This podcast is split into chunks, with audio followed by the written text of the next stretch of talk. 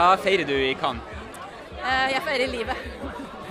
Og så feirer jeg shortlistene våre. Og bare det at vi er her etter alle de årene som har vært nå med begredelige somre og ikke noe Cannes i det hele tatt, så bare syns jeg det er Jeg feirer at vi er her, ja.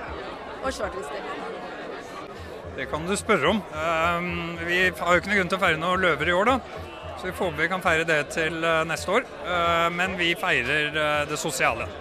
Det er derfor vi gjør dette. Dette er en investering i det sosiale. Og det syns jeg vi har kommet veldig heldig ut av. Hva er avkastninga? Avkastningen er eh, at folk trives på jobb og blir lenger, håper jeg. Kan vi feire i Cannes? Ja, Eh, vi eh, feirer eh, I Cannes så er vi her for å feire nordmenn sin evne til å være kreative og lage god reklame, ha det gøy sammen, kose oss eh, og heie på hverandre. Ja. hvordan er stemninga i Cannes i år? Den er kjempegod. Og så er vi vi har ikke lov, vi, jo, vi har lov til å være litt skuffa. Ja, fordi vi hadde mått, greit med shortlist og hadde jo håpa på at flere norske bidrag skulle bli premiert over det. Men eh, da må vi jobbe hardere, da. vet du.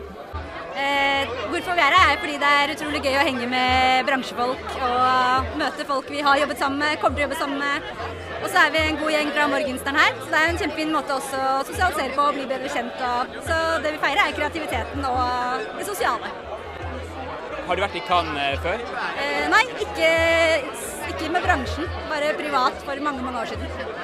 Hvordan er det å være i Cannes med bransjen? Så det er veldig hyggelig. Man møter jo kjentfolk eh, overalt. og eh, igjen, Man blir jo veldig tett sammensveiset på en sånn tur, hvor man bokstavelig talt eh, bor oppå hverandre.